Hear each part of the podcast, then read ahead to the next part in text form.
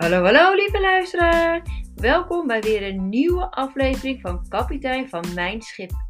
De podcast waarin ik heel graag inspiratie en tips met je deel over hoe jij voor, tijdens en na je scheiding met je emoties leert omgaan.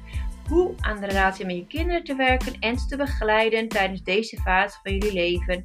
En hoe jij weer stapt in jouw mooiste toekomst. Ik heb er weer super veel zin in. Let's go!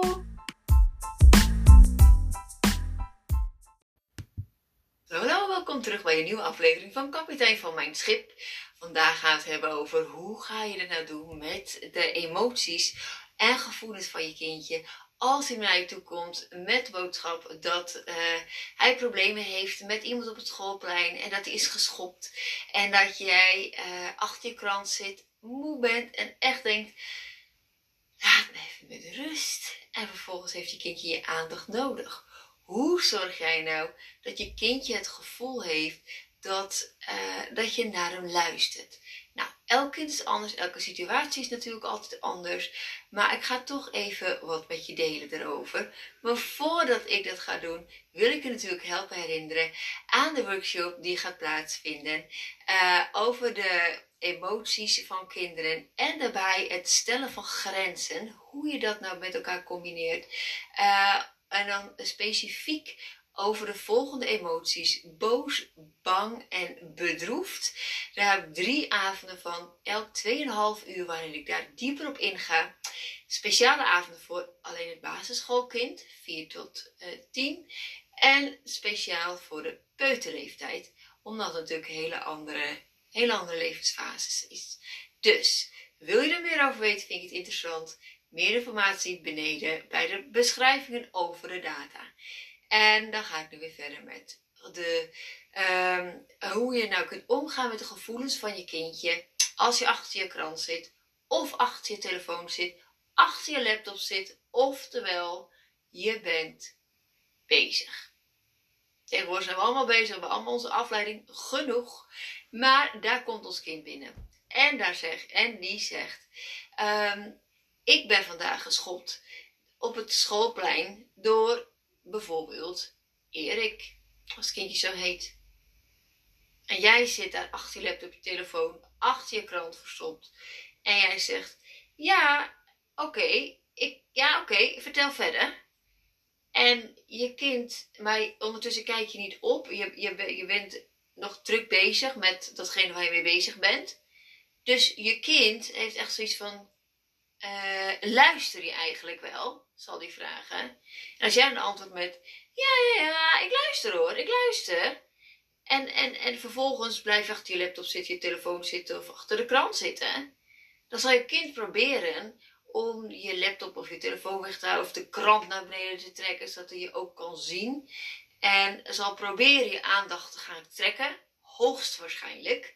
En dan zal je nogmaals vragen, luister je nou? En als je dan zegt, ja hoor, ik kan luisteren en ik kan uh, lezen tegelijkertijd. Of bij, op mijn laptop zitten of een berichtje beantwoorden. Ik kan het allemaal tegelijkertijd hoor, dat kan ik. Dan zal je kindje zich niet... Uh, zal je kindje niet het gevoel krijgen dat je echt geïnteresseerd bent. En zal je kindje ook niet het gevoel uh, dat ook teruggeven aan jou. Van nee, je luistert niet. En als je heel eerlijk bent, heeft die kindje eigenlijk wel gelijk. Maar goed, dat vinden we natuurlijk nooit zo heel erg leuk om te zeggen. Dus, um, dus dan zeg je nog heel vaak, nee hoor, ik luister. En dan uh, probeer het vol te houden. En dan zegt je kindje natuurlijk al heel snel, nou ja, laat maar, dit wordt hem niet. Dus, uh, wat is een andere manier wat je zou kunnen doen om te reageren? Als je kindje zegt, nou, Erik stond mij, uh, schopte mij op het schoolplein. en, en dat je dan je krant opvouwt of je ding weglegt, je telefoon en zegt, oké,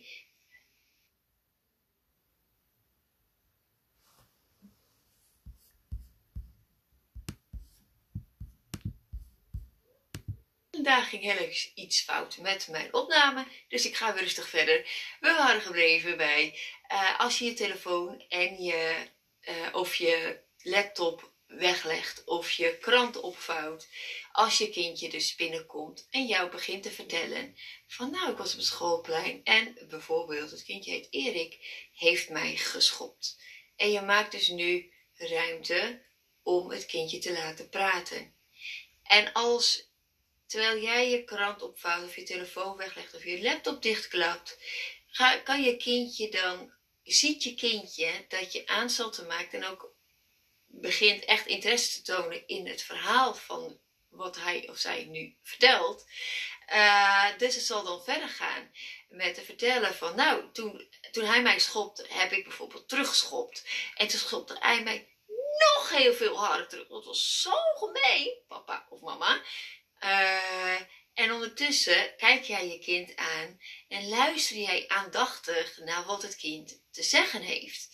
Um, en omdat jij aandachtig luistert en interesse toont in het kind, zal het kind uh, veel makkelijker uh, zijn problemen aan jou gaan vertellen. Omdat het gevoel heeft dat je echt luistert. Je hoeft in, in sommige gevallen niet eens heel veel te zeggen. Het actief luisteren is, of het meevoelend zwijgen, is soms het enige wat een kind nodig heeft. Um, in mijn situatie is het ook vaak zo dat als ik dat doe, bij, mijn, mijn, bij bijvoorbeeld mijn jongste dochter heeft dat heel erg. Als ik niks zeg, bij sommige kinderen werkt dat heel goed, hè? gewoon aankijken, gewoon een kind laten praten. Als je dat doet, kan een kind zelf bijvoorbeeld komen met een oplossing. Uh, van nou, weet je wat ik de volgende keer doe? Dan ga ik bijvoorbeeld met een ander kindje spelen uh, die niet zo gemeen is. Uh, dat, dat kan gebeuren, maar wat ik merk bij mijn dochter bijvoorbeeld, Um, die vraagt als ik niet antwoord en ik kijk haar wel aan en ik antwoord niet verder, zegt ze, je luistert niet. Dus in mijn geval werkt het, werkt het zo dat als ik dan een stukje herhaal van hetgene wat ze heeft gezegd, dat zij al het gevoel heeft van, oké, nou, Mo heeft inderdaad echt geluisterd. Dus dat vindt zij weer heel erg prettig. Uh, dus zo is het ook heel erg altijd kijken en aftasten bij wat werkt bij jouw kindje. Dat weet je als ouder natuurlijk als geen ander. Dus test hier een beetje mee, speel hier een beetje mee. Maar wat in ieder geval altijd werkt, is zorgen dat je je krant opvouwt, je laptop dicht doet, je telefoon weg doet. En als je op dat moment even geen tijd hebt, kan je dat natuurlijk ook aangeven. Van nou, op dit moment ben ik even druk bezig. Over vijf minuten heb ik even de tijd kan je natuurlijk ook doen. Als je merkt dat het echt heel hoog zit bij je kind, neem dan die tijd. Zorg ervoor dat je alle, uh, alles weghaalt wat je op dat moment afleidt. Zodat je kindje daadwerkelijk ziet. Papa of mama is echt geïnteresseerd in mij. En um, willen echt actief luisteren naar mij. Dat kan een kind echt motiveren om vaker naar jou toe te komen. Zodat je kindje ook de band met je kind ook kunt gaan versterken. Het kan ook heel erg ontmoedigend werken als een kind uh, probeert door te dringen bij een ouder en een ouder maar met een half oor luistert van ja, ik luister wel omdat ze achter je laptop verder tikken of achter je telefoon blijven typen of achter je, je, je krant blijven zitten. Dat werkt niet voor een kind. Dus probeer echt daarop te letten dat als je kind naar je komt, eh, toe komt, een verhaal wil vertellen, dat je ook echt even de tijd neemt en alles aan de kant schuift om even er te zijn. Dat is belangrijk.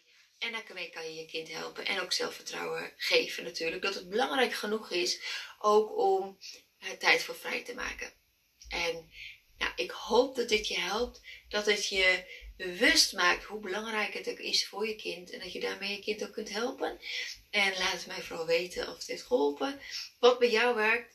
En um, nou, dan spreek je de volgende keer graag verder over een ander onderwerp. Dat was het. Doei doei!